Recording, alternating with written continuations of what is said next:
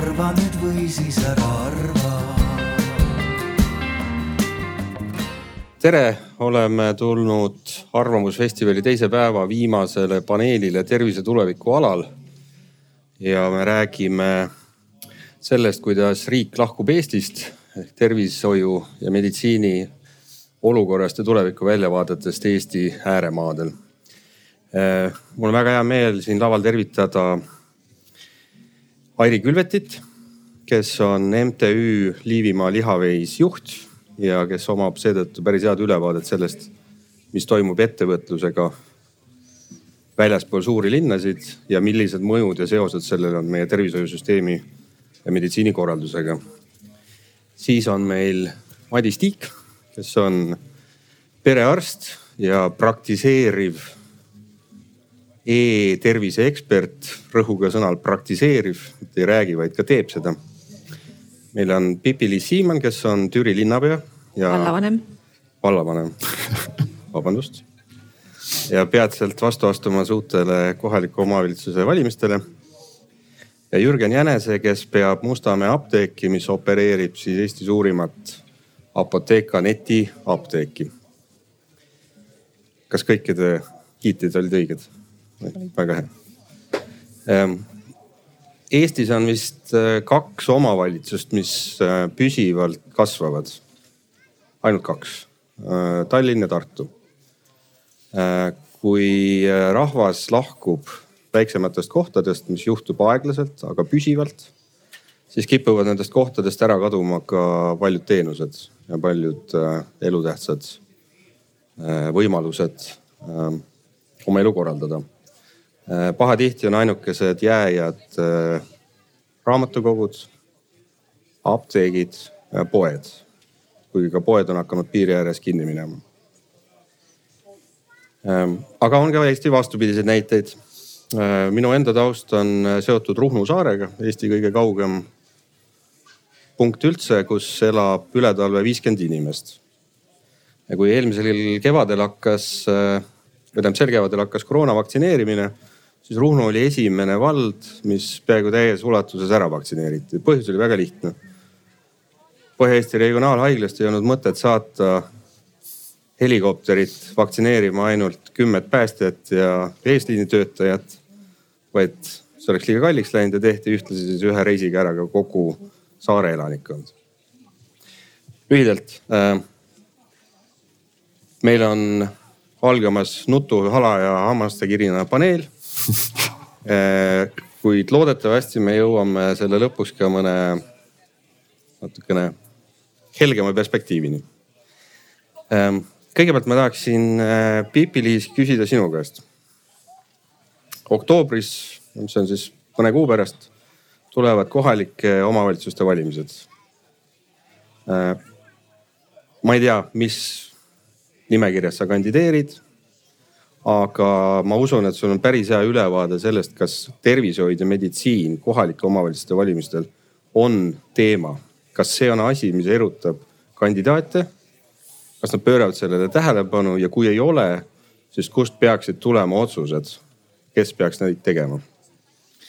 no on sellised üldised asjad ehk et tervishoid on kindlasti teema, aga on ka selliseid äh, tavaliselt neid üldiseid asju ja iseenesestmõistetavaid asju keegi ei hakka üle kordama, keegi ei hakka ühelgi kohalikus omavalitsuses ilmselt ütlema, et meie jätame alles ka perearstiteenuse maale, sellepärast et, et see on tegelikult Eestis üsna kenasti juba paika loksunud. Ja üldiselt, kui vähegi perearste meil maapiirkondades, me räägime siis kõigepealt nendest väiksematest piirkondadest, kui seal see perearst on, siis loomulikult kõik, kes kohaliku omavalitsusega seotud on, on sellest alati huvitatud ehk et siin on erisused, kes kuidas siis püüab seda perearsti toetada või ehitab, aitab ehitada tervisekeskuseid või äh, toetab rahaliselt näiteks. aga selge on, et, et see on selles mõttes teema, mida kõik püüavad kohalikul tasandil nagu jätku, jätkuvana ikkagi hoida.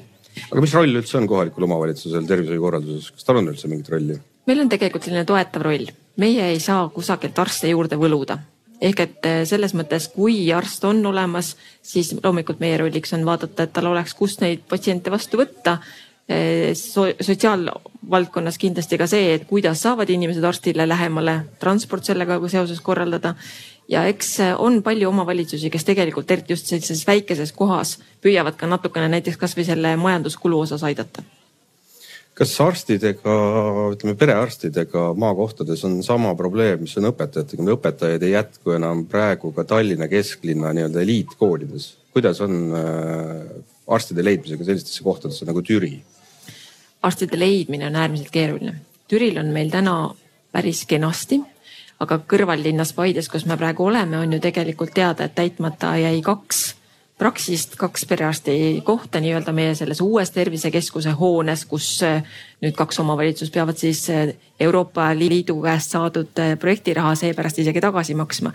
arstide leidmine on keeruline ja siin kohalik omavalitsus, noh, meie näiteks oleme lahkelt pakkunud, et me saame pakkuda elamispinda ja ma olen niimoodi poolnaljatades öelnud, et kui me vaatame neid sarju, kus on see maaarst, mõned Inglismaa ja Rootsi sarjad siin jooksevad, päris toredad kus arst on ikkagi kogukonna väga lugupeetud inimene ja, ja pole parata, ma kardan, et tulevikus me peaksime olema valmis maal selleks, et me peame näiteks perearstile tõepoolest noh, piltlikult öeldes seda kätel kandma. Madis, sina oled seda probleemi üritanud lahendada niimoodi, et sa ei käigi oma patsientide juures, sa tegeled telemeditsiiniga, mis asi see on, räägi meile. no telemeditsiin on sama vana, kui on telefon ehk siis äh, tegelikult äh, üsna vana, äh, vana lahendus ja, ja ega selles ei ole tõesti mitte midagi uut selles suhtes, et, et telemeditsiin laias mõistes on see, et patsient ja arst, aga ka patsient ja õde ja kes iganes ei kohtu omavahel füüsiliselt ühes ruumis. ja, ja lihtsalt see suhtluskanal on nii-öelda siis kas telefon, videokonverents see võib olla ka kirjalik, eks seal erinevad kanalid on, eks. aga kas, kas sa kurku ei pea vaatama või pulssi katsuma või?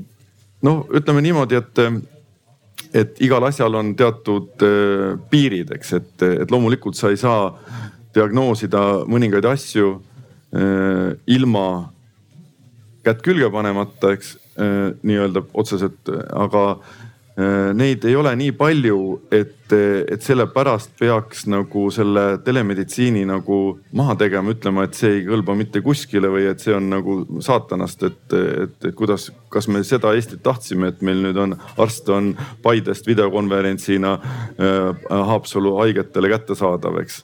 ja seda peab peaministri infotunnis arutama, eks. et, et tegelikult äh, kui vaatame, kuidas on samast probleemi lahendatud näiteks noh, sa rääkisid, et me oleme, me oleme kuidagi sihukene äh, nagu ääremaastumine käib või, või et noh, et, et linn kolib välja. aga Eestis vahemaa on ju täiesti olematu, võtame Alaska. vahemaad on tuhanded kilomeetrid, eks seal üheksakümne neljandal aastal sai parima eh, nii-öelda innovatiivse eh, tervishoiuteenuse e, e nii-öelda perearst, eks. kus tegelikult noh, tol ajal läbi satelliitside oli külas sisuliselt videokonverents arstiga, kes oli tuhandete kilomeetri kaugusel, eks ja, ja see oli üheksakümmend neli, eks eh, sama, samal aastal oli, oli sellel samal külas võimalik ravimeid saada Coca-Cola automaadi kõrval olevast täpselt samasugust automaadist, kus oli kolmsada nime, nimistut nii-öelda ravimeid sees. et meil ei ole mitte midagi nagu vaja uut leiutada, need kõik eh, tegelikult on kau-, kaua aega olnud eh, saadaval, need on läbi proovitud erinevates riikides eh, rakendatud ja seal ei ole nagu sellist uudsuse momenti enam, et see on nüüd midagi väga eriskummalist, et see tegelikult on, on igapäevane töö ja iga nagu tervisekeskus peaks mõtlema läbi, et, et milliste kanalite kaudu, milliste teenuste kaudu saab ta kõige optimaalsemalt eh, oma siis seda nii-öelda klientuuri või patsientuuri siis eh, aidata nii, et patsiendid oleksid rahul, aga et ka töötajad ise jääksid ellu. sa oled Vormsi perearst?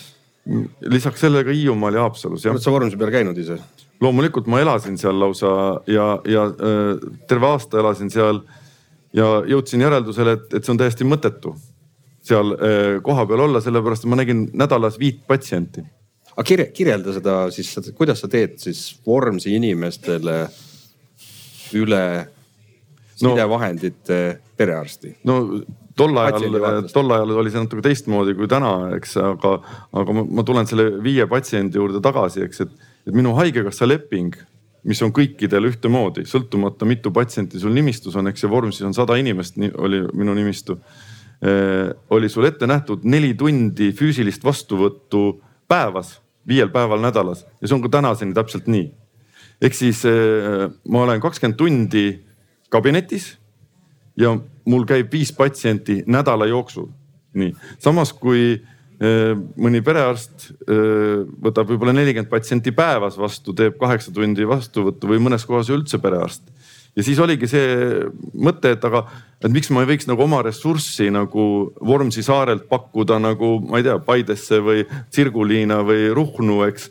ja et, et, et kas ei saa seda siis kuidagi teha nagu videosilla kaudu ja, ja, ja siis me äh, koostöös sotsiaalministeeriumi ja PERHiga soetasime Ruhnu, Kihnu, Vormsile telemeditsiini sellised kohvrid, eh, kus siis oli videokonverentsi suutlikkus, eks ja eeskätt eh, see videokonverentsi mõte oli tol hetkel see, et eh, eriarstiga konsultatsioon ehk, ehk siis konsulteerida nagu pigem, et mis hetkel on vaja kiirabi saata või praam saata või helikopter saata, eks aga tänapäeval on nii, et, et selle viie või seitsme patsiendiga nädalas saab väga hästi õde hakkama ja õde on väga tubli seal ja lisaks seal saarel elab mitu arsti, kes käivad, käivad äh, Haapsalus või mujal tööl ja siis, kui on vaja nii-öelda arstlikku otsust teha, siis nemad asendavad mind seal. nii et, et tegelikult täna ma seal praktiliselt ei käi. et, et see lihtsalt ei ole ajakasutuse mõttes otstarbekas. kas, kas, kas nurinat ei tekkinud koha peal, et, et nüüd lähed sina ka ära, polegi enam arst? tähendab, patsiendi jaoks on oluline, et ta saaks oma mure ära rääkida ja ta saaks lahenduse. ja osade patsientide jaoks on oluline see, et, et ilmtingimata peab arsti juurde saama, aga mitte kõikide jaoks inimene tahab saada oma, oma, oma selle mure ära rääkida ja ta tahab, et tema murega tegeletakse võimalikult ruttu ja ta jõuaks võimalikult kiiresti selle lahenduseni milline see lahenduse tee on, seda on iga perearstikeskus ise nii-öelda noh, ütleme välja töötanud ja neid erinevaid selliseid töötamise mudeleid ja vorme Eestis on väga palju, et ei ole ühte paremat kui teist, eks. ja ongi paljusus. Ja me õpime kogu aeg teineteiselt juurde ja, ja, ja, ja võib-olla see peabki nii olema, sest ka patsientidel on siis ka valikuvõimalust, eks, et nad võivad minna nii-öelda netiarsti juurde, eks, aga nad võivad minna ka sellise arsti juurde, kes, kes eh, ei kasuta arvutitki ise, vaid eh, istubki füüsiliselt kabinetis ja vestleb patsientidega. sa mainisid, et Alaskas on äh, noh, tehti siis selline süsteem, kus apteegirohud saadeti põhimõtteliselt siis nagu postiga kohale. ei, see oli, see oli aparaadis olemas. ja see käis nagu pangaautomaadis, kassetiga vahetati ära, kui tühjaks sai ja kõik eh, need arstid, kes neid retsepte kirjutasid, teadsid, et seal need kolmsada nimetust ravimit on olemas. Eestis on üks ettevõte, mis eh, väga innovaatiliselt hakkas ehitama postipaki ju, mida me vist nüüd koroona ajal oleme kõik ohtralt kasutama hakanud eh, netiapteegi puht, teema puhtalt. ütle, kas Jürgen, kas äh, füüsilistel nii-öelda kivist ja, ja, ja mördist katusega apteekidel on üldse sellises äh, olukorras enam äh, mõtet? absoluutselt, et ega need niinimetatud kiviapteegid mitte kuskile Eestist ära ei kao, et see on selge, täpselt samamoodi ei kao ära füüsiliselt kohal olev apteeker ega arst vaid äh, pigem tulevadki peale need erinevad teleteenused ja e-kaubandus üleüldiselt, et äh, see on nii-öelda üks väljund, kuidas võib-olla tuua tervis, sealhulgas ka ravimid inimesteni kiiremini ja teha kõik see kättesaadavamaks. aga kas, äh, anna meile aimu, et kui, kui nüüd ähm, koroona ajal oli, peaaegu kõik oli suletud, apteegid ei olnud suletud on ju. kas see kuidagi mõjutas ka sinu netiapteegi äri, kas sa, kas sa nägid, et hakatakse reaalselt rohkem kasutama ja kas sellel on olnud ka pikaajalisem mõju nüüd, kus on uuesti teatud avanemine toimunud?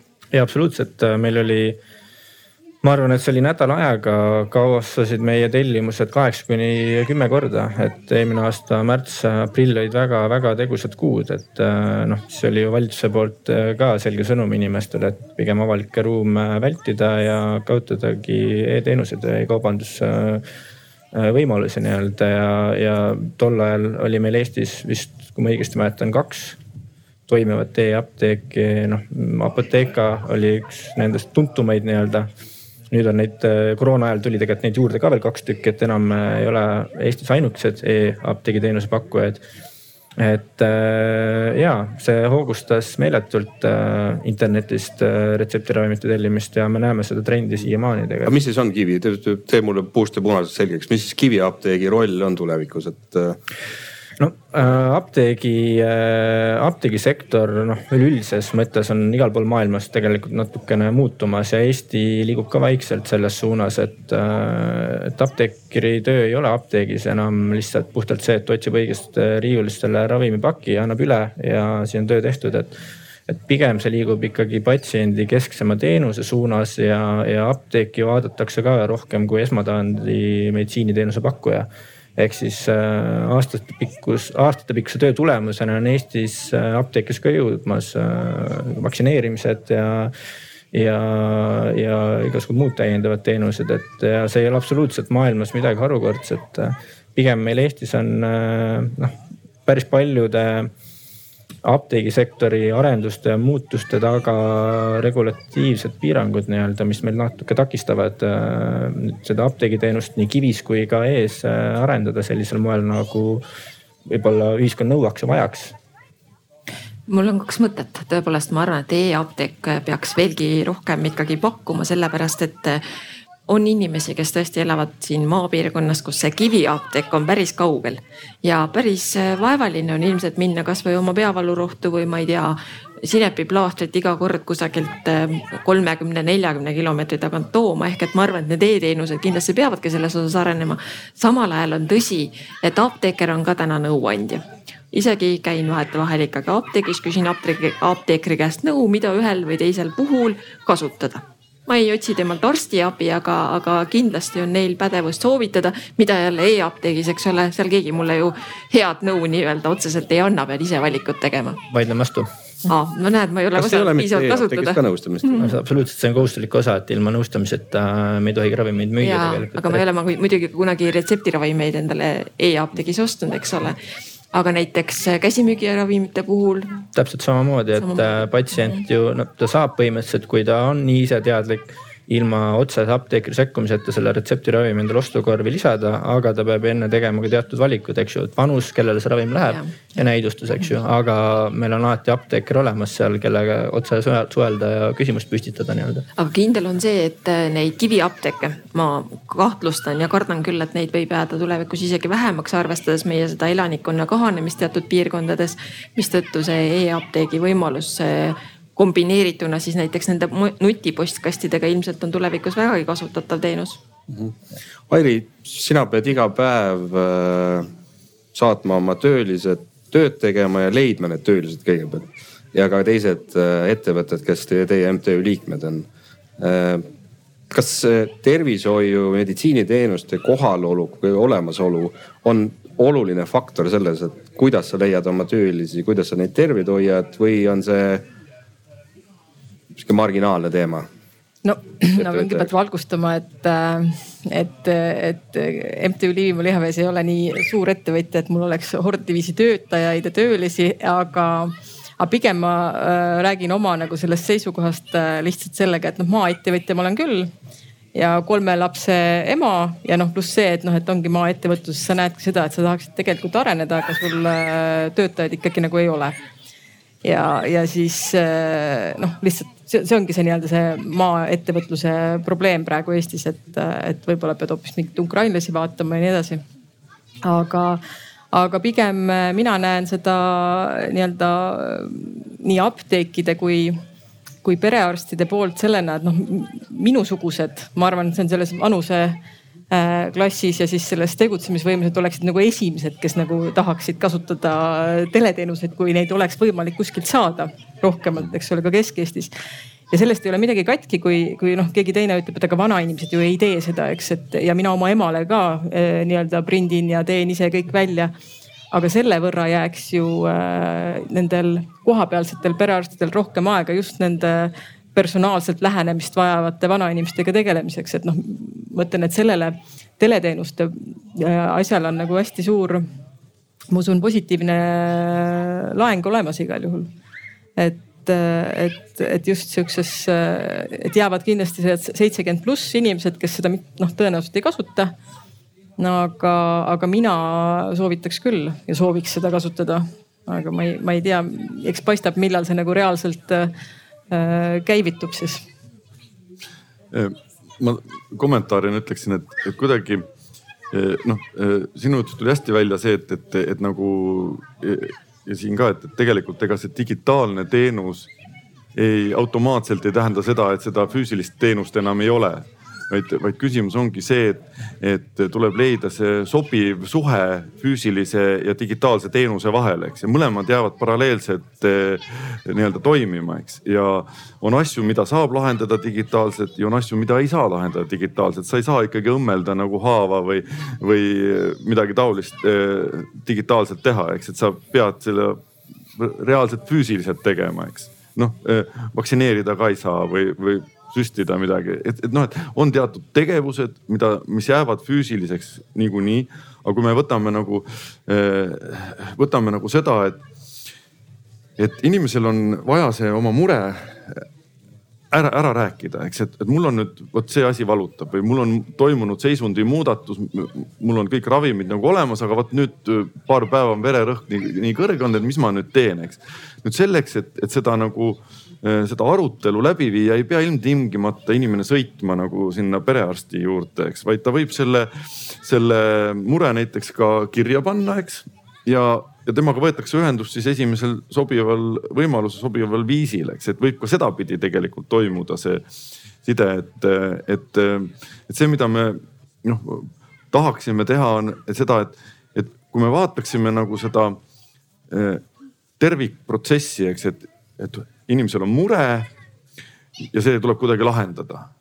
ja mõtleksime, et, et kuidas see täna toimib, eks, et, et noh, inimene üritab helistades saada perearstikeskust kätte, et saada siis see esimene kontakt ja siis, et aega broneerida, eks siis, siis ta saab selle aja, läheb sinna, hakkab rääkima, et vot mul on selline mure, eks siis määratakse talle eh, mingid eh, võib-olla analüüsid ja kutsutakse tagasi. ja, ja, ja siis toimub lõpus siis nii-öelda nende analüüside ja kõikide põhjal siis nagu tegelikult selline järeltöötlus nagu, eks. ja tegelikult me võiksime neid kõiki neid, eh, neid selle, selle ahela erinevaid lülisid vaadata nagu omaette protsessidena. et kõik algab sellest, et on, on nagu selline mure, eks ja see mure on vaja kiiresti saada siis selle, selle lahendaja töölauale, eks.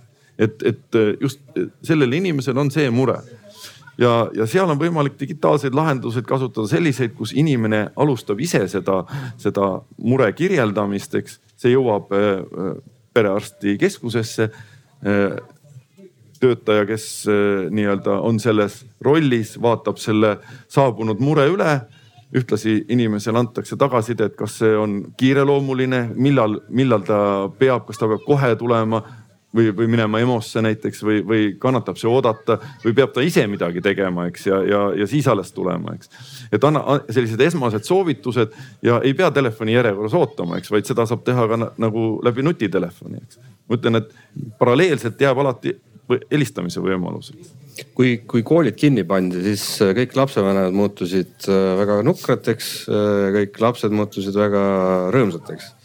aga selle protsessi tulemusel kõik harjusid ära mõttega, et, et e-kool või e-õpe või distantsõpe on tegelikult mingi asi, mis suure tõenäosusega jääb.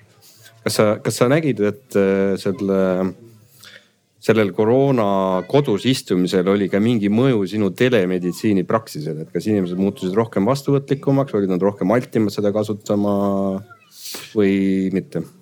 no ütleme niimoodi, et inimesed olid väga mõistlikud. et eh, nad said aru, et, et olukord on selline, et kõige parem on kodus püsida, eriti eakad inimesed ja krooniliste haigustega inimesed. ja neil oli väga hea meel, et arst neile helistas või ka õde helistas. et ühesõnaga, kui see mure oli vastu võetud, eks, kas siis registraator või, või ükskõik mis, mis kanalit pidi see mure oli siis ka minu töö oli, oli see, et, et mul oli, kõik toimis täpselt samamoodi, aga füüsiliselt meil kohapeal, noh, mina ise elan Saaremaal ja Haapsalus vastuvõttu ma tegemas ei käinud kaks kuud. ma tegin kõik oma töö kodust, eks registraator võttis ja õde lahendasid osad asjad ära ja ülejäänud pandi mulle siis nii-öelda, registreeriti mulle vastuvõtule, mis toimus siis selles suhtes virtuaalselt, et ma helistasin patsiendile ja, aga mul oli juba eelnevalt juba teada, et mis probleem on ja kas tehti mingid analüüsid, eks. ja öö, ma ütleks niimoodi, et, et ma ei ole nii palju positiivset tagasisidet nendelt eakatelt inimestelt saanud nagu arstina töötades, kui selle aja jooksul, nad olid tõesti tänulikud ja nende jaoks oli väga suur asi see, et, et arst neile helistas, eks ju.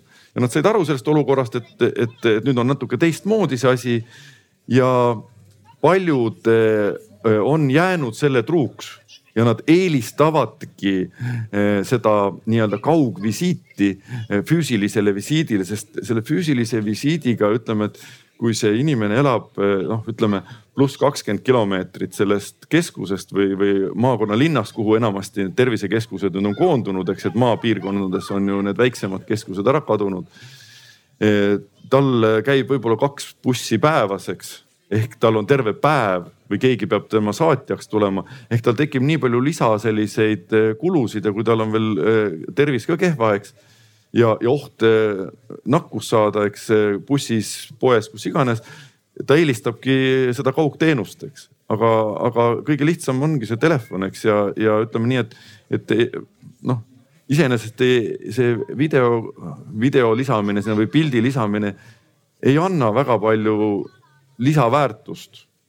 vaid lisaväärtust annab see, et sul on see patsiendi ajalugu teada, et sa näed digiloos tema varasemaid asju, tema analüüse, sa saad vaadata, mis on eriarstid kirjutanud, eks.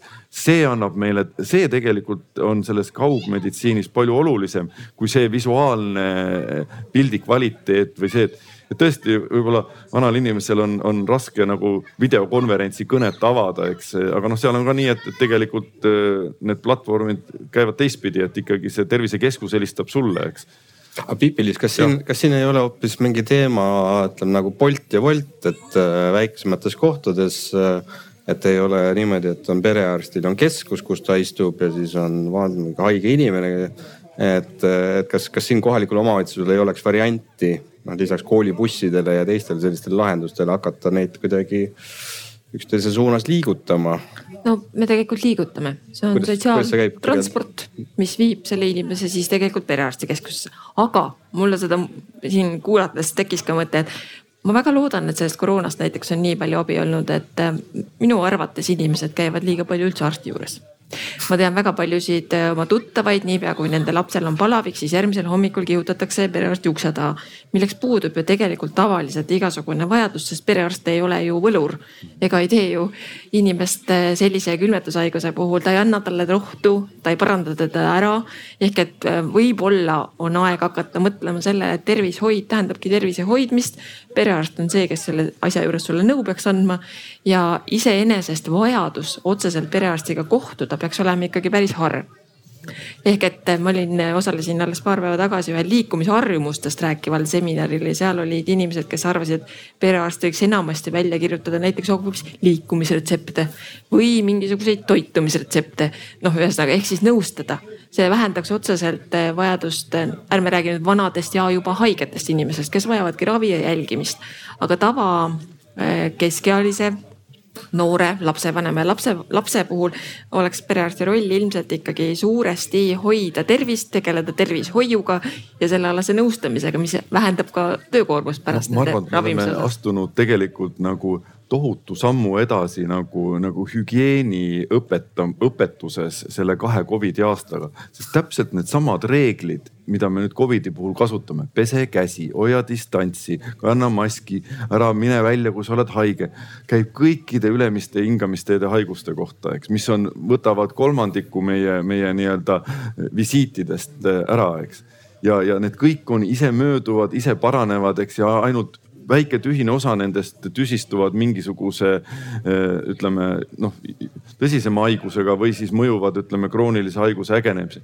ehk tegelikult ma no ütleme, et, et kaks aastat me, me oleme saanud priiks sellest ballastist, mida tegelikult nagu ütleme niimoodi, et, et noh et see ei ole nagu tühine, eks, aga, aga see on see osa, millega peaks inimene ise nagu suuremalt jaolt vähemalt alguses hakkama saama, eks ja, ja, ja loodame, et see jääb.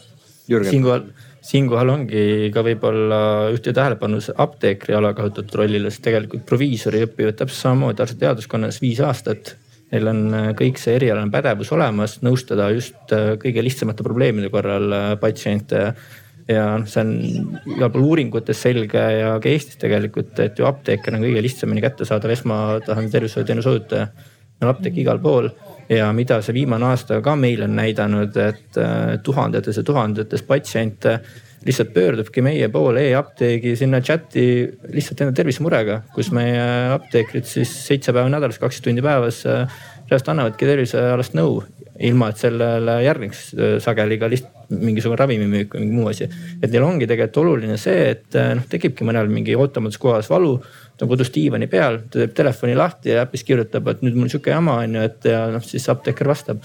teinekord ongi see kiire äh, tervisealase nõu saadmine just patsiendile kõige olulisem on ju, et ta ei torma esmaspäeval äh, esimese hooga perearstile või ei ole ootejärjekorras seal äh, liinil on ju, et see tegelikult ei pea nii olema üldse ainult e-apteegis, vaid ka kiviapteekides.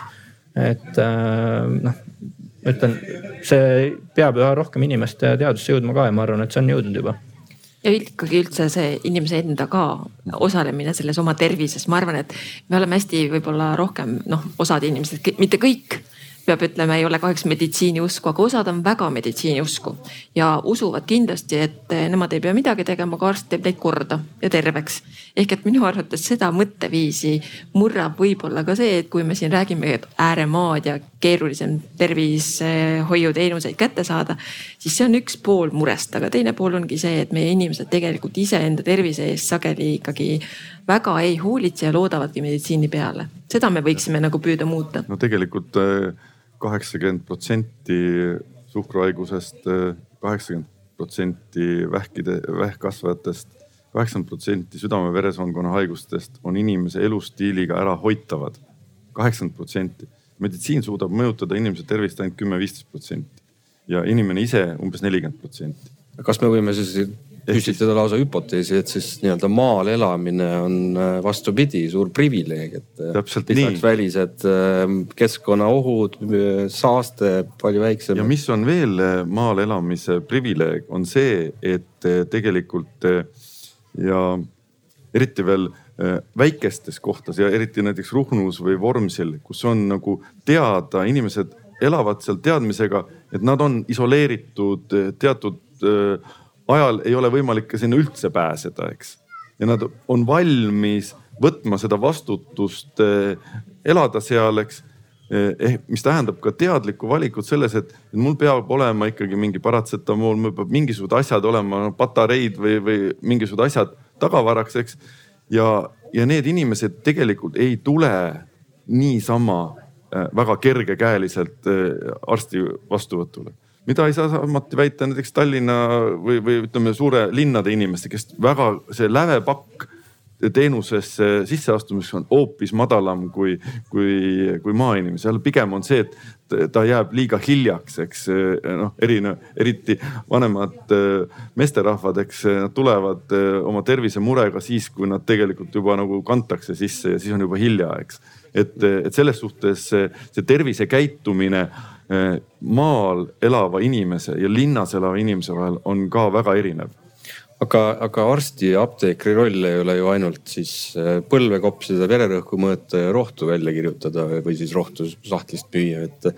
Eh, noh, me kõik oleme lugenud Lutsu Kevadet, Paunvere apteeker, kes magas ahjus ja teadis kõiki oma kogukonna inimesi detailideni.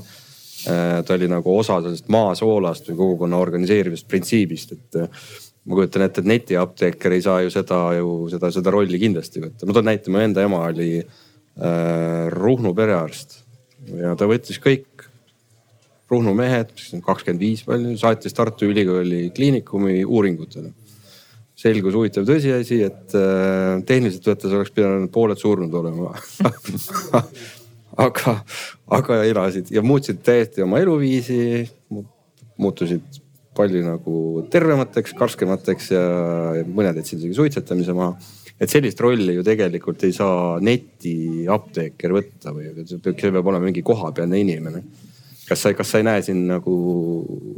ma pigem ütleks nii nagu sa enne mainiti ka, et tänapäeval juba inimesed muutuvad üha rohkem terviseteadlikumaks ja see, me ei saa seda noh, vahet pole, kas see on arstiabi või apteegiteenus, et me ei saa seda nii teenusekeskselt arendada, et Äh, ja, ja ka nõu anda, et pigem on see, et patsiendi kaasamine enda tervise tegelemisse omab üha suuremat äh, osakaalu, ehk siin tekib sihuke koostöömudel nii-öelda.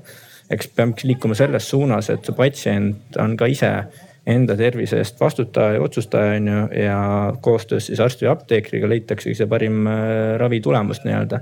et jah, kui me räägime nüüd e-apteegist, siis äh, sa saad tõesti selle kiire esmase nõu võib-olla see apteeker rahustab su maha telefoni teel või siis chat'i teel on ju, et noh, et kõik on nagu fine, on ju, et või, või siis äh, annab enda erialased teadmised edasi, on ju, ja võib-olla siis soovitab igaks juhuks kuskil perearstis ka läbi käia, on ju, aga. Aga ütleme ka, et meil on tegelikult, meil on kümme kuni kakskümmend tuhat tellimust kuus on ju, aga meil on ikkagi ju teatud konkreetsed isikud, keda me teame, on ju, kellega me suhtleme, et, et seal võib ka tekkida selles mõttes oma sihukene äh, suhe nii-öelda apteeker patsiendi vahel nii-öelda, et. Äh, sa ütlesid, et, et, et vaata, et neti teel ei saa nagu seda äh, suhet luua. vastupidi, et tegelikult see annab võimaluse nagu just kasutada seda distantsi, et sa ei pea kodust ära minema, leiadki selle nõustaja, nõustaja võib-olla hoopiski nagu digiteenusena, eks, et noh, mingilt ütleme noh, minu doki platvormis on palju erinevaid teenuseid mm. aga, aga alati ei pea see esimene ärakuulaja üldse olema arst või õde et, äh, et sealsamas äh, Alaskas on kasutatud nii-öelda noh, nagu ütleme kogukonna vabatahtlikke, kes siis on saanud väikese instruktaaži, kuidas neid seadmeid, noh EKG aparaati näiteks ühendada inimesele või kuidas võtta ühendust videokonverentsina. ja, ja, ja ka mõnes teises osariigis on kasutatud seda, et on nii-öelda selline tervisenõustaja, kes ei ole üldse meditsiiniharidusega, aga nendel on üks, üks selline või ütleme paar sellist omadust. esiteks, nad on vabatahtlikud seda tegema teatud mõttes mõnes kohas ka muidugi noh tasu eest, eks, kui ta on nagu osa süsteemist. Teine asi on see, et nad peavad olema väga head inimestega suhtlejad, eks ju.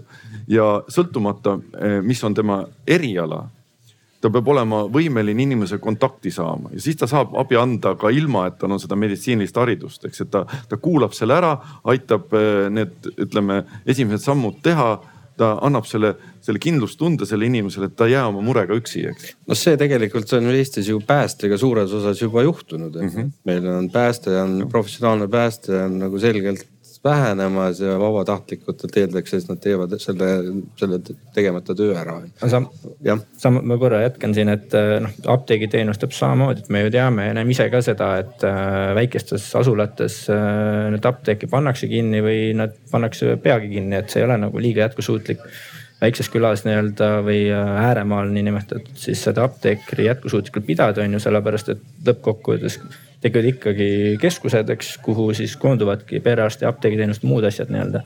ja aastaid tagasi äh, proovisime ju ka ühes apteegis rakendada või implementeerida nii-öelda videoapteekri teenust äh, mis oleks tegelikult äh, tõesti omaks võetud, nõudlus selle vastu oli, on ju, aga miks me seda rakendada Eestis ei saanud, oligi see, et meil liiga jäik seadusandlus, et me võime siin Alaska näiteid tuua, Kesk-Euroopas ei ole üldse mingi ratta leiutamine, see on igal pool maailmas kaudsel, aga mida ma öelda tahan, et äh, tervishoiusüsteemi innovatsiooni eelduseks on ka paindlik seadusandlus.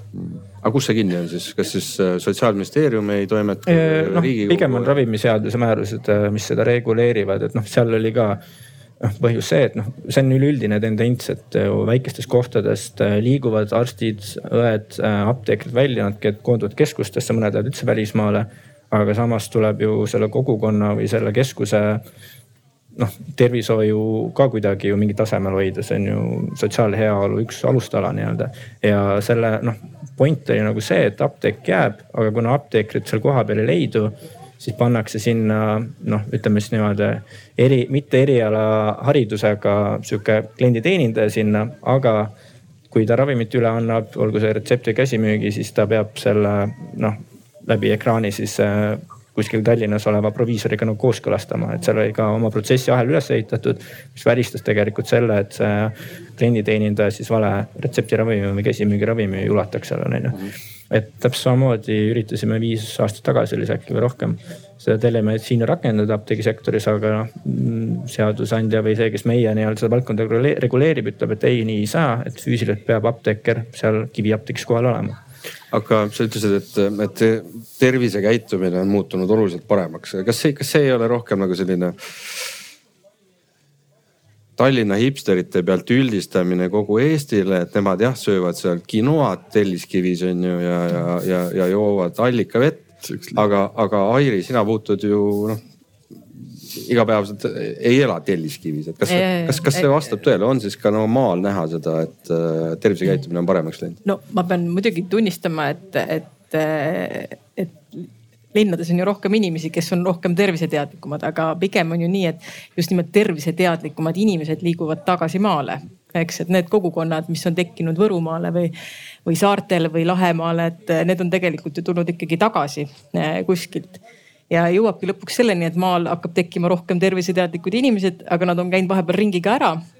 ja mina ettevõtjana tunnetan lihtsalt seda, et äh, mul on see nagu selles mõttes positiivne olnud, et ma olen lihaveisekasvataja, et siis äh, ma olen saanud äh, endale maad, et mulle pakutakse nagu rendile äh, maad et äh, vaata, ma ei taha, et mul siin akna taga oleks nagu see rapsi või viljapõld, et ma tegelikult tahan, et need lihaveised siin sööksid, et mulle see väga sobib.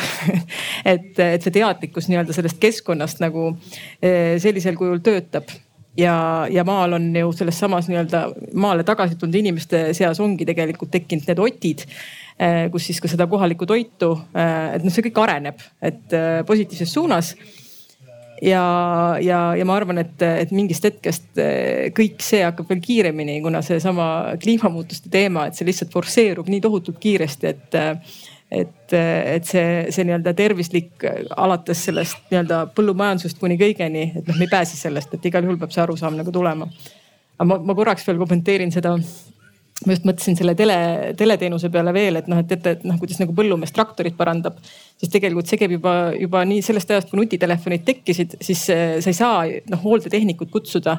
Äh, et kuule, ma kuulen mingit heli või näen, et siis tegelikult tehakse kogu aeg video ja pilt saadetakse Tartusse või suuremasse keskusesse, öeldakse, et selline jupp on katki ja, ja tehnik siis tuleb ja võtab need kaasa, et, et perearsti juurde minnes ma praegu veel nagu ei, ei tundnud, et ma saaksin niimoodi teha, et, et, et ma teen oma lapse keelest pildi ja saadan talle, aga ma loodan, et ühel hetkel on see ikkagi võimalik, et, et noh, need noh, nutiseadmed on tegelikult ju selle võrra nagu teravad ja head, et, et see ongi just seesama rahustamise küsimus, et lapsega arstile tormajad, et kes nagu iga pisikese asja pärast nagu kipuvad muretsema. aga teinekord ongi vaja ju lihtsalt, et noh, mingit täpikest näidata, et kas see nüüd on tuulerõuged või ei ole või. ja seda saaks nagu vabalt läbi videosilla ju teha ma natuke tahaks nüüd maainimeste kaitseks sõna võtta selles mõttes, et ma ei tea täpselt neid uuringuid. aga ma natuke kahtlen, et linnas on terviseteadlikke inimesi rohkem kontsentratsioon võib olla suurem teatud kohtades, aga osakaal ei pruugi sugugi suurem olla, sest tuletame ikka meelde, et maal me siin peame ilma Bolti ja Woltita läbi ajama, süüa tegema, isegi jalgsi peame käima, bussi peale peame minema. ehk et ma ei ole päris veendunud, kas nüüd ikkagi Tallinnas sellepärast, et rohkem inimesi on. absoluutarvult on neid rohkem seal, eks. täpselt ja, ja, ja mis puutub veel sellesse, mina sihukese parandamatu optimistina, et see teleteenused ja tele kaudu arstigagi kasvõi rääkimine, see on ju mugav mäletate, kõigepealt tundus see kodukontor võib-olla harjumatu, pärast selgus, pole vaja püksegi jalga panna, saab kõik asjad ära ajada. tohtriga samamoodi, pole vaja pesta, riide panna, kuhugi minna, räägin lihtsalt oma mure ära. ma arvan, et siin on nagu ka päris palju häid külgi tegelikult selliste sest eh, vanemad inimesed täna võib-olla ei ole selleks alati valmis, aga meie kõik saame varsti vanaks ja meie jaoks on see ju iga päev ehk et see on, tulevik on nagu päris selles mõttes lihtne, ma arvan. see on selles mõttes äh, hea, hea mõte, et, äh, et kui me räägime sellest, et tehnoloogia võib väga palju abistada, on ju selle inimfaktori vähenemise vastu, et. Äh, aga see seltskond või see eagrupp või see riskigrupp, kes praegu nüüd ja siin vajab abi, ei ole tingimata see, kes neid tehnoloogiaid üldse valdaks et me noh, kõik see, mis me räägime, tõenäoliselt on õige, mis te räägite, aga see, kas ta nüüd rakendub nüüd tänasest hetkeks on ju ma ei ole ka kindel, et kas mu seitsmekümne viie aastane sugulane oleks võimeline tegema videot oma keelest ja seda kuskile saatma see, ütleme minusugune küll võib-olla. aga ma olen terve. et ega me ju ei räägi, ma ju mainisin, ütlesin seda, et ega see ei välista selle nii-öelda traditsioonilise teenuse olemasolu, eks. ja nii nagu, nagu ühes, ühel päeval meist saavad seitsmekümne ja kaheksakümne aastased, siis see ei tundu enam nagu mingisugune utoopia, vaid me oleme sellega harjunud, eks. ehk siis tegelikult selleks ajaks, kui need põlvkonnad, kes on nii-öelda nutiteadlikud ja oskavad neid kasutada igapäevaselt, jõuavad sinna, kus nad hakkavad nii-öelda noh massilisemalt kasutama tervishoiuteenust siis need teenused peaksid seal olema valmis, mitte et me hakkame neid siis ehitama, sellepärast me neid täna teemegi. et, et, et see ei ole nagu see, see, see põhivool, eks, aga see peab seal juurde tekkima, sellepärast et ühel momendil meie patsiendid ütlevad, aga teie, teil ei saagi videokonverentsi teha. et mis, mis arst te siis olete sihuke, et ma ei saagi teiega chat ida või ja samas seda, ega see seitsekümmend pluss äh, vanust inimest ei tasuks nagu maha kanda, et ma ise poleks ka arvanud, et minu äh, vanaema, kes ongi üle seitsmekümne viie, äh, suudaks tellida e-koobist või e-Selverist toitu koju või e-apteegist no. ravimeid on ju. nüüd ta, me oleme jõudnud täna sinna, kus ta tellib rohkem e, kasutab rohkem e-teenuseid kui mina enda Tallinnast väljas kodusse, et ja noh e, e-apteegis me näeme täpselt samamoodi, et meil on ju kuuskümmend pluss kasutajat ja nõusaajate, ostjate osakaal ikka meeletult tõusnud selle aasta jooksul. meil on üheksa, üheksakümne viie aasta, et maks-, kõige vanem inimene, kes meil ostnud on viimase aasta jooksul, ma just vaatasin eile, on üheksakümne üheksa aastane. Et noh, aga vaata, siin tekib üks teine probleem, eks, et, et eelmises paneelis oli ka juttu sellest, et, et, et noh, et patsiendikesksus ja, ja, ja tulevad igast seadmed ja et kuidas kahekümne aasta pärast on, eks, et, et, et noh, tegelikult äh, meil kõigil on väga võimsad äh, meditsiiniseadmed taskus, eks ju minu kell, eks äh, fikseerib äh, kakskümmend neli seitse pulssi, äh, vererõhku. ütleme EKG-d võib teha, eks. nüüd küsimus on see, et, et, täna see on ja ongi mul siin kellas, eks, ja noh, ma saan seda saata, aga ma ei saa oma perearstiga seda jagada, eks ja, ja siin tekib kaks probleemi, esiteks, eks, et need, need seadmed ehk siis see haigla ja eriarstiabi läheb ka kodule lähedale, mitte ainult perearst ei ole see, kes seal on, vaid, vaid tegelikult on võimalik tuua ka see, see eh, nii-öelda eriarstiabi koju, et haigla koju. seal tekib infrastruktuuri probleem tekib probleemi see, et keegi ei ehita meile välja seda viimast eh, kilomeetrit, eks võrku ja, ja me ei saa eh, isegi täna paljud patsiendid ütlevad, nad ei saa sellepärast kasutada neid äh, nii-öelda digiteenuseid, et nad, nendel ei ole lihtsalt levi, eks neil on äärmisel juhul, neil on võib-olla telefoniga, saavad telefonikõnega tehtud, eks, aga, aga igasugune eh, mahukam andmevahetus on välistatud. Ja vaata, see hakkab olema probleemiks mitte ainult nii-öelda teenuste, vaid üldse töökohtade ja elukohtade valikul on see, et, et, et et ei piisa sellest, et on ilus loodus ja puhas loodus, sa pead vaatama, et kus on see kaabli ots kõige lähemal, eks, et ja kas sul on võimalik oma tööd kodus teha kaugtööna või ei ole või pead sa eh, noh maksma nagu üüratut raha. ja, ja siin on nagu see koht, kus on eh, noh, kus, kus nagu mina vaataks nagu riigi otsa, eks, et, et tegelikult keegi teine nagu ükski noh, telekommunikatsiooniettevõte ei hakka ehitama seda viimast kilomeetrit, eks. Ja sinna taha jääb tegelikult väga palju nagu äh, sellest äh, uutest teenustest äh, kinni. ja siin on isegi see nüanss, et isegi kui see viimane kilomeeter saab valmis siis meil tegelikult need andmemahud on meil niivõrd suured tegelikult, et meil hetkel puudub äh, süsteem, mis kõik need andmed tegelikult kokku koondaks sellisel moel, et see kõikidel tervishoiu osapooltel oleks kättesaadav, et me siin räägime. apteek, apteek, patsient, äh, eks ju, suhtlus, äh, patsient, arst, perearstikeskus, mingi X arv firmasid suhtlus on ju. aga ma näen seda igapäevaselt ju meie praktikas, räägime sellest personaalse pakendamise teenusest, et need patsientide, noh, need on personaalne pakendamisteenus, hooldekodu patsiendid, kes kasutavad siis äh, teenust, kus siis pakendatakse ravimid ja toidulisand käsimüügiravimid vastavalt kuupäevale ja kellaajale ja need raviskeemid tulevad hooldekodudest, vahet pole, kas see hooldekodu kohatasu on kuussada eurot või tuhat kaheksasada eurot.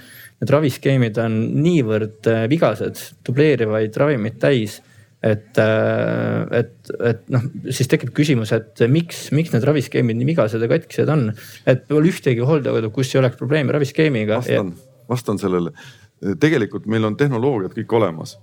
küsimus on see, et, et meil on nagu iga teenus on omaette nagu riik, eks. ja, ja meil on olemas tsentraalsed teenused, eks aga näiteks meil ei ole suudetud kokku leppida või tegelikult kõik, ootavad seda, et meil oleks üks eh, nii-öelda koht, kus oleks inimese raviskeem. väga lihtne asi, eks, raviskeem, nii. raviskeem on täna iga arsti arvutis, eks, nii ja raviskeem sellisel kujul, et nüüd igaüks pääseks ligi, noh näiteks digiloos ei ole sellist teenust, et eh, inimese kasutatavad ravimid. ja tegelikult see, see tähendaks seda, et, et noh, apteeker saaks nii-öelda selle näiteks eh, õiguse seda raviskeemi näha, eks ta näeb, mis on ja lisada sinna juurde, mis oleks arstide soov jälle ka kõik käsimüügi asjad. sellepärast, et tegelikult me räägime ainult, eks nagu retseptiravimite nähtavusest ja, ja, ja, ja kõrvaltoimetest. aga me ei tea, et tegelikult eh, patsientidel on väga palju veel käsimüügiravimeid, mida nad kõik eh, söövad, eks ja nendel on omakorda jälle ka toimed, eks nii head kui halvad ja, ja, ja risti-rästi toimed, eks. ehk siis eh, ühtne nii nagu immuniseerimispass, eks kõik sellised teenused. Ja see on kõik riigi tegemata töö.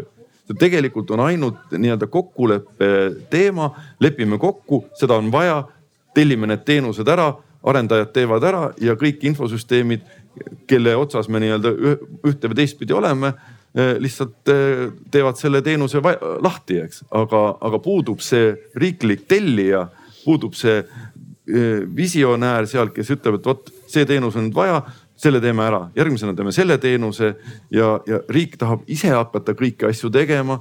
et ma teen nüüd, et oi, et ei saa, mingit netiapteeki ei ole vaja, me teeme ise netiapteeki, me teeme ise mingisuguse süsteemi.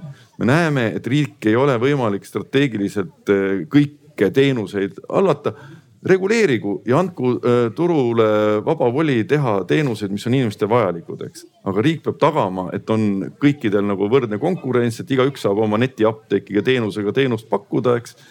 ja ei pea olema, et riik teeb netiapteeki, eks. noh, see idee kunagi oli, eks, ei jõudnud kuskile, ikka lõpuks äh, tegid apteegiketid selle. noh, meil pidi olema nutu ja halapaneel, aga nagu kuidagi, kuidagi optimistlikuks kisub kätte teatud riigi osas. Ähm, aga Airi, kui sul oleks võimalik, äh, noh, sa püüad kuldkala kinni, et mida sa teeksid oma kodukohas meditsiini või tervishoiu vallas, et asi läheks paremaks, üks asi no ma, ma arvan, et olekski seesama, et äh, nii-öelda telemeditsiini võimalus, et äh, netiapteek äh, nii-öelda töötab juba selles mõttes, et meil on seal kodukohas äh, vot selle jala, jala kõndimise koha pealt ka, et eks see Türi ümbrus ja et kas sul on vaja kaks, viis või kaheksa või kümme, et minul lähim keskus on äh, kakskümmend viis kilomeetrit ükskõik kummale poole ja lähim pood on kümme, et noh, see nagu ei, jala ei, ei kõnniks küll, aga lihtsalt ajaliselt ei mahu päeva sisse. aga et äh, vähemalt postipakiautomaat jõudis sinna, ehk siis apteegi asjad me saame sealt kätte. aga jah, see seesama puudus, et noh, et, et lihtsalt lihtsamate asjade korral, et äh, nojah, net on muidugi teine asi, et see on, see on tõesti selle, sellega on ka kurvad lood, et ma pean sõitma äh, paar kilomeetrit parema levi saamiseks, mobiililevi saamiseks ka teinekord kuskile jälle kuskile metsa vahele, kus siis mast võtab aga, aga see on ikka parem, kui sõita kakskümmend viis kilomeetrit arsti juurde, oodata kaks nädalat, nii edasi, et, et lihtsalt teinekord need kiired asjad, et, et oleks see lahendus olemas, et, et oleks võimalik nagu vahetult ja kiirelt suhelda äh, meditsiiniinimesega. ja digitaalsel sellisel mure ärakurtmisel on veel üks pluss, eks, et see ei pea toimuma sünkroonselt. ehk siis selles suhtes sina kirjeldad oma probleemi ära ja sinuga võetakse esimesel võimalusel ühendust, eks, et sa ei pea ootama nagu liini peal, eks, vaid, vaid, vaid nii-öelda lipuke on üleval, eks, et see inimene ootab nüüd vastust, et mis ta järgmisena teeb, eks. ehk, ehk siis see asünkroonne ehk siis nagu noh, chat, ma ei tea eesti keeles, kas on paremat sõna mõeldud, eks. ehk siis asünkroonne teksti suhtluseks on, on tegelikult annab väga palju võimalusi seda, et, et sa ei pea toru otsas ootama arstil on aega mõelda, vaadata su haiguslugu ja anda soovituseks mm. ja, ja patsient teab, et see on kohale jõudnud, eks.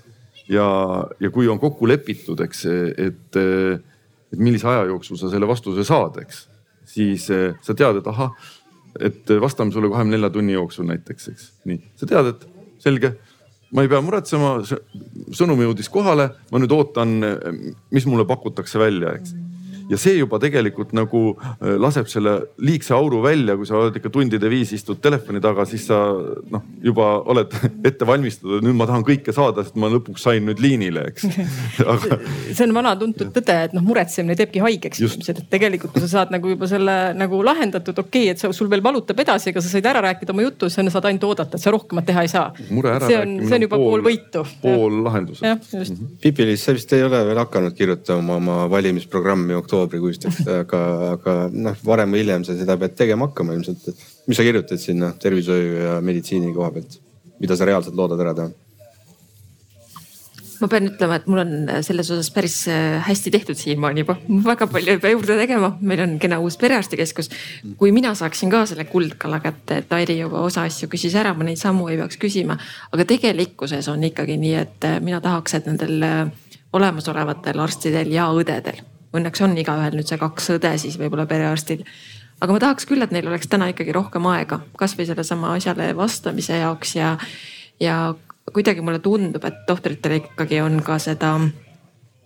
ma tean, et minu perearst tihti, et ma helistan talle ja siis ta küsin, kas oled veel tööl või oled juba kodus. ei, ma ikka siin veel noh, kirjutan seal veel midagi, kirjutan seal midagi, ma ei tea täpselt, mis ta kirjutab. aga mulle tundub, et see inimesega kohtumise aeg on tegelikult väiksem kui see kogu see paberi ja noh, paratamatult loomulikult tuleb see fikseerida, et, et oleks pärast ta kuskilt ka teistele nähtav ja arstile endale, aga, aga võib-olla see on, et kui me ütleme, et inimese tervis on riigile, Eesti riigile ka kallis, siis äh, miks mitte võib-olla, võib-olla siis see kaks õdegi on vähe perearstile abiliseks, et peakski olema see registraatorid, noh, mida meil nüüd mitme peale saab seal palgata.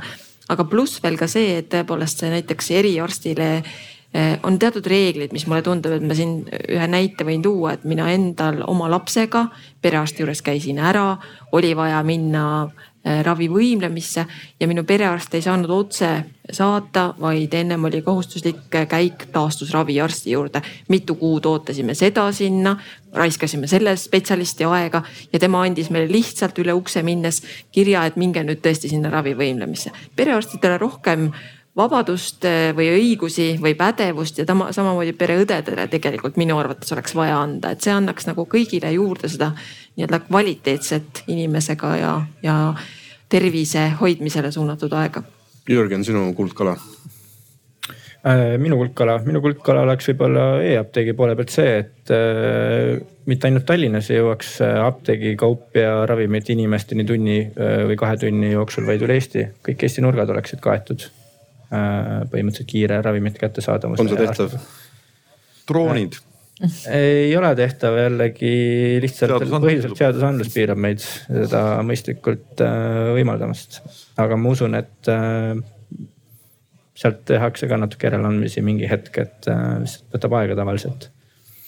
okei okay,, üks minu lemmik äh, grafiitisid, mida ma näinud olen Berliinis, Berliini müü, selle müüri ühe alles jäänud tüki peale on keegi kirjutanud mis võtab päris hästi vist kokku selle, millest me rääkisime, et kõik läheb paremaks. miski ei lähe heaks. Seda võiks lihtsalt laiendada, välja arvatud juhul, kui riik lõpetaks segamise. Aga tegelikult äh, näiteks äh, sa ütlesid, et arst kirjutab, eks. Äh, sellest eelmisest sügisest, eks Riigikogu lasi lahti kõik stenografistid, eks, kes kõik kogu Riigikogu töö kirjutasid üles ja nüüd seda teeb masin. ja on üks inimene, kes siis teeb siis nii-öelda paneb komasid ja, ja teeb, parandab natuke, eks nii. seesama firma pakkus meile, et teeme arstidele ka sellise lahenduse, et, et ei pea patsiendiga vestlust ümber kirjutama vaid äh, paneme selle mikrofoni ja tekib automaatselt tekst, tekst. nii et ma arvan, et, äh, et nüüd Eesti nagu tekstiredaktori tegijad on äh, nüüd jõudnud nii kaugele, et meil varsti on võimalik kasutada kõnetuvastust sellisena, et, et see tekst tekib sinna, sest noh, see on meil kohustus dokumenteerida, niikaua kui seda ära ei muudeta, eks. miks ei võiks ka dokumendina olla helifail eks, et miks ma pean seda ümber kirjutama, sest tegelikult ju, kui sa mõtled, et mis asi see ümberkirjutus on, see on tegelikult ju ühe inimese interpretatsioon teise inimese öeldust. see ei pruugi olla objektiivne, eks, see on, see on alati mõjutatud äh, erinevatest aspektidest, eks. aga kui sa tahad nagu dokumenteerida objektiivselt eh, seda vestlust, eks, siis see peaks olema lindistus või, või siis nii-öelda kirjutamine, eks. Keenias eh, tehakse kaks tuhat ravimdroonilendu päevas veetakse sada viiskümmend kilomeetrit droonidega ravimipreparaate, verepreparaate, eks küladesse ja, ja viiakse kohale. kõik tehnoloogiad on olemas, meil on, kui see riik ainult ei, ei segaks oma vanamoelise konservatiivse ametkonnaga tegevust, siis ettevõtjad teeksid eh, nii arstide, patsientide elu oluliselt lihtsamaks, et meil on tegelikult tõesti palve ametnikul, ärge sekkuge, laske normaalselt töötada ja, ja no ma toon töötamise kohta ainult ühe näite, kui veel meil aega on.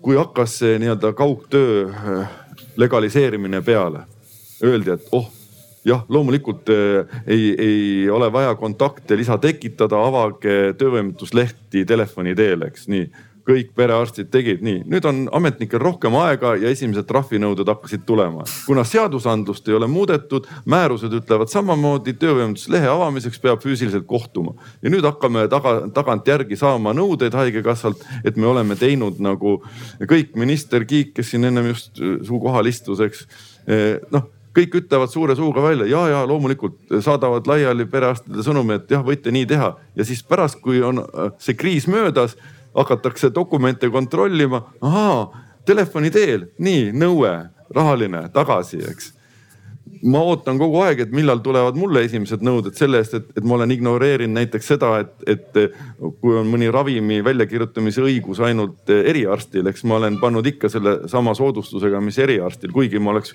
pidanud saatma selle inimese siis eriarstile seda retsepti pikendama. täiesti mõttetu teekond jälle, eks, tänan ja vot siuksed asjad, eks, et, et ühest küljest jah eh, nagu äh, promotakse, tehke ja, ja olge paindlikud ja, ja me kõik lubame ja teha nii, aga tegelikult seadusandlust ei muudeta, eks. ja siis tuleb üks agar ametnik ja hakkab noppima neid eh, siis neid, ahah, mul ei ole täna midagi teha, võtame, võtame siis ja võtame selle probleemi ja hakkame siis nüüd karistama, eks ja, ja see on reaalsus ja siis, kui sa tahad nüüd järgmine kord mõnda uut teenust nagu või uut noh lahendust äh, arstidele siis nagu juurutada, eks.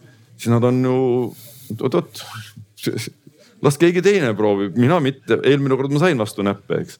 et vot, vot see, see kuidagi peab olema niimoodi, et, et seadusandlus peab olema paindlik ja tulema kaasa selle ajaga, eks. aga meil on tihtipeale niimoodi, et, et, et need lahendused lähevad viis-kümme aastat eespool ja need, kes seda teevad, on kogu aeg nagu selle, selle ohu all, et, et, et noh, esimesed lastakse maha, eks ju, nagu ikka. kõige ilmekam näide ja. selle jutu jätkuks oli minu arust eelmise aasta lõpus äh, novembri lõpus, kui kõik Eesti e-apteegid said Andmekaitse Inspektsioonilt ettekirjutuse. Äh, kus last, koroonakriis, koroonakriis oli põhimõtteliselt äh, piikis nii-öelda ja pidime päevapealt kinni panema retseptiravimite müügi siis teisele, kolmandale isikule mm. ehk siis lapsevanemad ei saanud laste retsepti osta, lapsed ei saanud enda vanematele, vanavanemate retsepti osta pandi kinni ja teiselt poolt riik äh, soovitas siis inimestel tungivalt kasutada e-teenuseid, avalikku ruumi vältida, on ju, ja noh, see oligi täiesti. see on sihuke kahepalgeline, eks, et ühest küljest sa ütled, aga teisest küljest sa jätad kõik nagu ja jah, ja kõige iroonilisem selle asja juures on see, et äh, e-apteegi protsessid, äh, mis on äh, meil valideeritud nii-öelda seal retseptikeskuses, need on kõik heaks kiidetud teise ametkonna poolt. ehk siis mhm. Ravimiameti poolt, et me ei ole nagu mõelnud välja seal mingisugust süsteemi ise, eks ju, ja kui me mingid muudatused teeme, siis peab selle üldiselt Ravimiamet jah, noh mulle tundub, et see, siin võib see areng olla selline nagu, mis juhtus ka nagu hariduses, et me oleme pikalt rääkinud Eestis e-õppest on ju. sel aastal ma esimesel septembril huvi poolest kaalusin oma lapse ranitsa ära. see on siis eelmine sügis. Äh, see oli pool tema kehakaalu, täpselt, peaks sellega käima iga päev edasi-tagasi. Ja nüüd, kui see kriis tuli, siis järsku muutus nagu e-kool muutus reaalsuseks, et ma arvan, et see läbimurded siin ka tegelikult juhtuvad siis, kui tuleb mingisugune tõeline jama tuleb majja, mis meil tegelikult vist nagu on praegu. Et ma loodan, et me ei jäta seda suurt jama kasutamata selleks, et muuta oma protsessid efektiivsemaks ja tulla siit nagu tugevamana välja. aga igal juhul suur aitäh teile, et te saite siia tulla. meil kingikotte teile anda ei ole, aga selle asemel me iga osaleja eest annetame Teeme Pai fondi väikese raha.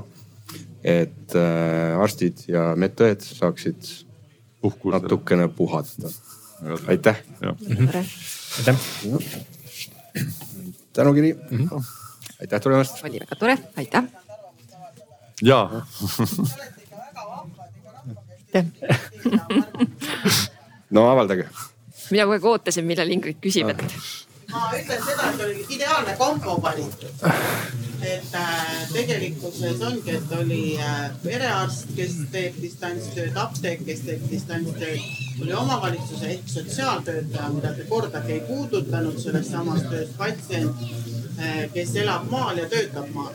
et äh,, et just selleks, et see Covid loomulikult andis me, Covid loomulikult andiski meile selle äh, tõelise asja ette, et kus seisus me tegelikult täna oleme, eks ju et äh, perearstid, kellel olid juba need süsteemid kõik välja töötatud, need võisid rahulikult tööd teha, nendel patsientidel vastuvõtt ei saanud häiritud, sest nad olid juba distantsilt töötanud ennem. ja, ja, ja, ja noh, et äh, ma toon nagu selle näite, et et mina olen Ingrid Alt, ma olen siin Paide perearst, kellel on siis perearstikeskus, kus on filiaalid Aravetel äh, see siis nelikümmend kilomeetrit Paidest ja teine tegevuskoht siis Roosna-Allikul seitseteist kilomeetrit Paidest et Aravetel on ka apteek, Roosna-Allikul apteeki ei ole. eks ju, lähim apteek on siis seitseteist kilomeetrit seal, kas siis Järva-Jaani või ükskõik poole. et, et ma võin seda ütelda, et et just selles äh, valguses, kus sa töötad niimoodi, et see arst peabki sealt distantsilt käima nagu on. et on oluline see, et sul on väga hea koostöös omavalitsusega ehk sotsiaaltöötajatega, kes ka käivad ju patsiendil kodus ja annavad tagasiside, mis seisus on ja saavad ka väga paljud asjad üle vaadata et seesama vabatahtlikkuse väljaõpe, et anda, eh, panna mõni aparaat peale, eh, pulssoksümeeter, öelda, missuguses seisus on, seda saab ka sotsiaaltöötaja teha. et see jäi natukene nüüd siin puutumata, ma sellepärast selle peale tulin. aga väga, ma näen siin günekoloogi ja ma ütlen, et eh, väga paljud perearstide õed on ka ämmaemandad ja, ja, ja väga suure, väga hea haridusega ja kui õde on olemas seal kuskil kaugel, siis tegelikult tõesti füüsiliselt seda arsti äh, väga vaja ei ole äh, korra nädalas võiks nagu füüsiliselt see arst seal käia ja vastu võtta. et äh, mida ma nagu väga tänapäeva meditsiinis lisaks sellele, et me selle kaugtöö kõik teeme ja jumal tänatud, et kohati ütled, et halba pole ilma heata, eks ju. et sellele kaugtööle nüüd tõesti me saame tõsise tiiva, tiiva alla alla lükata tuuletiibade alla tänu sellele koroonale. Et aga, et ikkagi, et see tervisekeskuste süsteem, mis tuli, et tähtis on mitte distantseeruda inimesest. et siin eelmine sessioon oli patsiendikeskne meditsiin, kordagi ei räägitud sellega, et tegelikult patsiendile peab midagi jääma sinna lähedale, väga lähedale. ja seesama väike filiaal, see väike, kus töötab õde, kus on sotsiaaltöösfäär olemas, on sotsiaaltöötaja, kes käib autodega, on õde olemas, kes käib ka. et kui need asjad kõik kombona nagu ühindatakse, siis ei ole mitte mingisugust probleemi. et sama asi on apteekidega, et me räägime praegu nendest kiirtestidest et vanas maailmas ei tule keegi selle peale, et kiirtestile peab meditsiinitöötaja ehk med medharidusega medõde või arst selle templi panema. et, et minu nähes kiirtest tehti ja blablabla bla, bla seal tehakse seda apteegis, sest apteeker on täpselt samamoodi koolitatud inimene, kes saab anda templi, et inimene tuli siia, tegi kiirtesti ja, ja, ja, ja, ja saab selle kinnituse apteegist, et nemad kinnitavad, et see kiirtest oli õige. ja seesama läheb sinna, et äh, selles kaugtöös positiivset, et äh, ma noh, me, meie keskus töötanud sellega juba ennemgi ja, ja meie arst, kes oli Luganos, oli siis see arst, kes sul Haapsalus töötas et äh, tuligi see vajadus meile sellest, et üks arstidest äh, käis kaks kuud Luganos ja kaks kuud oli Eestis. Ja, ja mõelda siis seda, et ta kaks kuud Luganos tööd teinud on absurdne. kusjuures ta tunneb ju oma patsiente ja kõike. ja, ja, ja siis saigi hakatud tegema seda, et ta kaks kuud teeb kaugtööna, kaks kuud on siin. ja, ja see toimib äh, ideaalselt et ma nagu hästi toonitan seda, et äh, keelt saab näidata nutitelefonides ja, ja, ja tonsiliiti saab näidata. Äh, kõiki nahkasid, teatavasti Termtest töötab ju täiesti telefonide äh, baasil ja, ja, ja, ja kõiki aparatuure on, on, on võimalik telefoni baasil näidata ja, ja saab diagnoosida väga hästi. ärme alahinda inimesi ea järgi et äh, ma võin teile ütelda, et äh, tänapäeval on eakad inimesed. no me ei saa öelda sada protsenti, aga ma arvan et, et kaheksakümnel protsendil on täna juba nutitelefonid ja, ja minu vanemad on üle kaheksakümnesed, on mõlemad nutikasutajad ja kasutavad ka e-apteegi nii et äh, ei ole niimoodi, et ei kasuta ja, ja ma võin ütelda, et ei ole ainult noored need, kes meil veebipõhist nõustamist küsivad, on ka vanad inimesed ja väga palju veebipõhiseid äh, nõustamistega saad ära hoida seda vastuvõttu. ja, ja muidugi seesama, nii nagu ütles Madis väga ilusti, telefon, telefonis kuuleb arst väga palju et, et äh, alati ei pea nägema.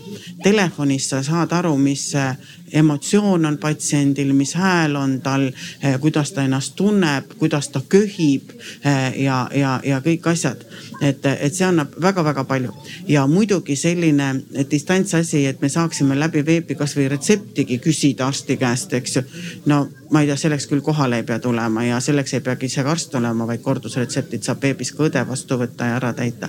nii et ma arvan, et see ongi meie tulevik ja, ja, ja kindlasti meie tulevik, sest et asjata nagu äh, patsiendi vaeva äh, hoiame ära ja, ja saaks sellise hästi suure koostöö teha, et ma arvan, et see oli väga huvitav paneel, väga huvitav oli seda kõike kuulata. et ma tõesti väga-väga tänan. aitäh. aitäh.